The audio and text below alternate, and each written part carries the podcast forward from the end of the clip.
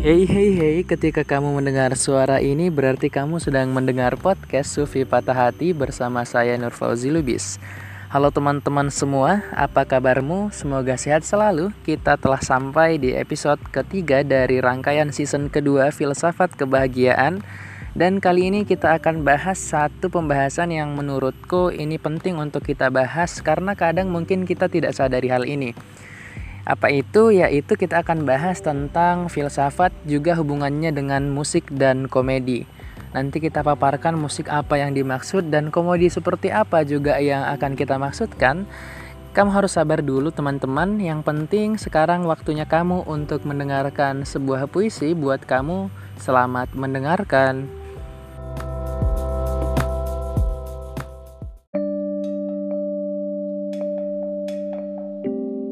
Dunia yang ingar-bingar, bagai kata yang butuh koma, kota-kota yang muak pada kebisingan, sesekali ingin menyandarkan kepala, lalu lalang kendaraan berencana pada nada-nada lain, semisal lagu pengantar tidur. Dan kita perlu jarak, sementara buat waktu untuk bernafas di antara ribuan kebohongan-kebohongan kecil yang setiap hari meminta untuk dirawat.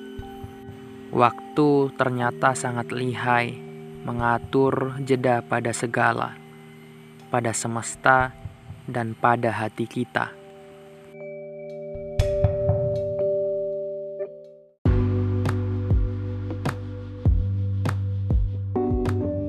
Yuk langsung aja kali ya. Langsung aja kita bahas. Yang mau kita bahas adalah Apa sih hubungan filsafat, kebahagiaan, musik, dan juga komedi. Dalam hal ini kita akan bahas secara spesifik adalah musik rock.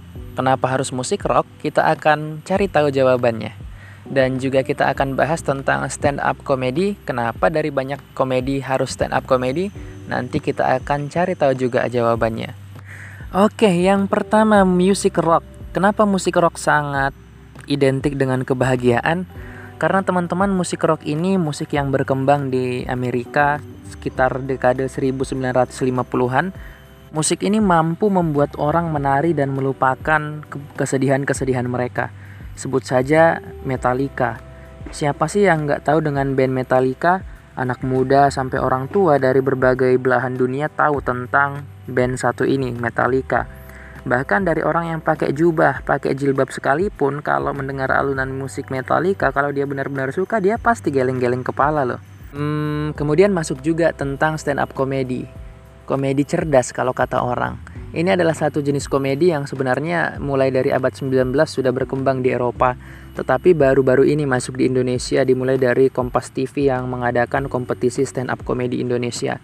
Mulai dari season pertama sampai sekarang sudah mau masuk audisi di season 10 dan melahirkan banyak komika-komika yang kita melihat bahwa mereka bahkan mampu menggusur aktor dalam bidang pertelevisian, perfilman, bahkan dalam berbagai hal sebagai host, presenter, dan lain hal mereka mampu jamah ke sana. Dan sekarang banyak sekali anak muda yang bercita-cita menjadi stand up comedian.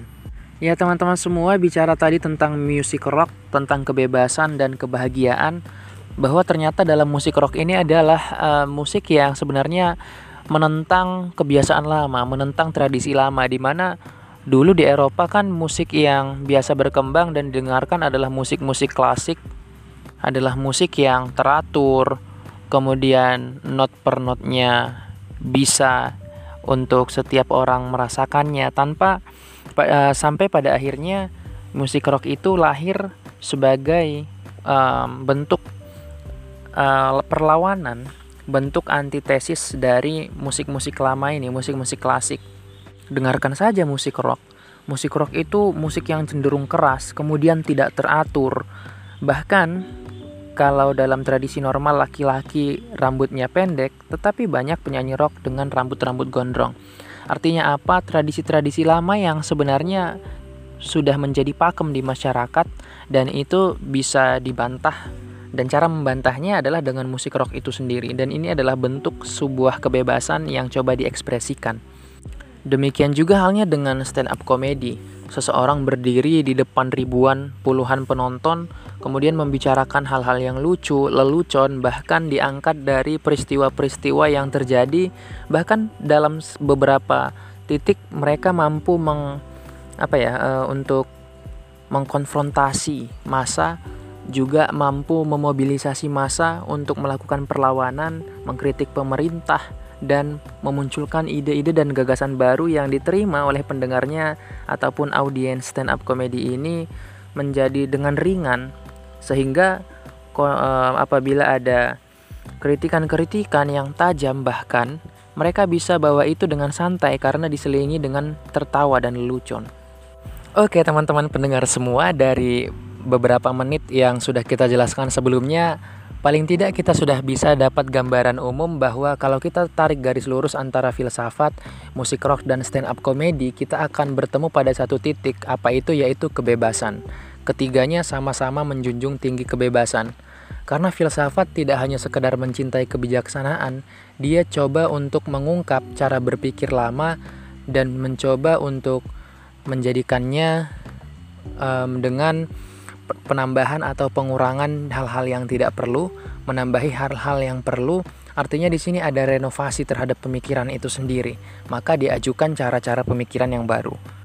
Maka seseorang merasa bahagia ketika berfilsafat apabila dia telah menemukan setidaknya satu rumusan masalah baru dari hal-hal yang pernah dia pikirkan sebelumnya. Walaupun dia tidak sampai pada solusi, tetapi progres menuju ke sana itulah yang menjadikan seseorang merasa bahagia ketika sudah berpikir.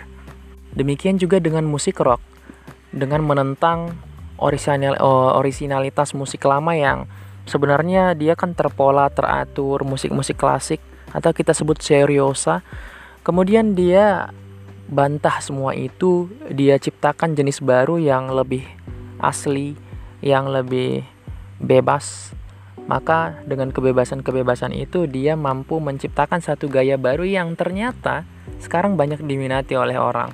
Dan orang merasa bahwa untuk menciptakan kebahagiaan, mendengarkan musik rock dan ikut bergoyang bersama alunan musiknya adalah salah satu pilihan yang cocok. Demikian juga dengan stand up comedy. Seseorang yang punya humor of sense yang tinggi, sense of humor, maaf kebalik nih. Um, kemudian dia diminta untuk maju ke depan, kemudian menceritakan lelucon, sampai pada satu titik ada kecemasan-kecemasan batin yang mengganggu di pikiran dia.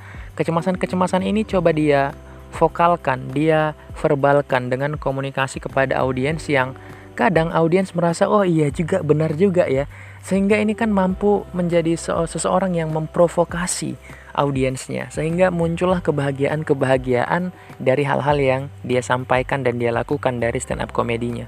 Kemudian selanjutnya filsafat kebahagiaan, musik dan komedi punya titik singgung yang serupa, punya garis benang merah yang sama yaitu tentang berpikir dan kritis terhadap sesuatu. Kunci dari perubahan adalah melihat sesuatu dengan membongkar gaya lama dan menciptakan cara-cara baru memandang dunia. Bahkan musik dan stand up comedy sendiri mampu membangkitkan gairah orang untuk menentang sesuatu. Kalau kita ingat sekali sampai sekarang melegenda Iwan Fals di masa Orde Baru dia begitu vokal untuk menyuarakan perlawanan-perlawanan dan menyuarakan ketidakadilan terhadap rezim waktu itu sehingga banyak sekali anak muda yang sampai sekarang sangat ngefans menjadi seseorang yang mengagumi betul sosok Iwan Fals karena bukan hanya sebagai Iwan Fals sebagai figur tetapi Iwan Fals sebagai pemikir yang mampu uh, menggoyahkan dan menggoyangkan pada waktu itu sistem uh, rezim Orde Baru atau dalam dunia internasional grup band Green Day itu kan dia menentang betul dari uh, potensi konflik yang pernah terjadi antara Irak dan Afghanistan. Maka kita mencapai kebahagiaan dengan cara yang unik, sama sebagaimana musik rock dan juga stand up comedy. Maka inilah yang kita sebut dengan paradigma berpikir baru, di mana kalau kita pinjam uh, istilah filsuf Thomas Kuhn, dia bilang kalau kita itu krisis paradigma. Artinya jawaban-jawaban lama tidak lagi mampu mencakup apa yang kita butuhkan pada pertanyaan-pertanyaan baru era ini. Ya, teman-teman pendengar semua, pada intinya hidup adalah perubahan. Kita harus siap untuk berubah, tetapi dalam proses menuju perubahan itu ada hal yang harus kita sadari bahwa kita harus berubah dengan sadar dan juga bebas. Apa artinya perubahan kalau tidak bebas? Apa artinya perubahan kalau kita diarahkan dan tidak memiliki kesadaran sendiri untuk melakukan perubahan itu? Maka mulai dari diri kita sebagaimana musik rock mampu mengubah pandangan lama tentang musik dan stand up comedy mampu menjadikan orang yang berbicara di depan didengarkan walaupun melalui lelucon-lelucon yang dia sampaikan.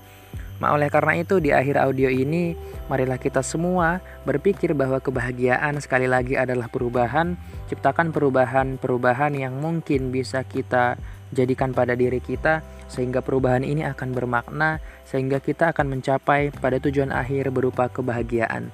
Ya mungkin itu aja kayaknya kali ini di episode ketiga di season kedua filsafat kebahagiaan kita telah membahas kebahagiaan dan juga hubungannya dengan musik dan komedi. Ya, terima kasih sudah mendengarkan itu dulu. Saya Nur Fauzi Lubis, terima kasih. Sampai ketemu di episode-episode selanjutnya. Keep positive and stay healthy. Bye.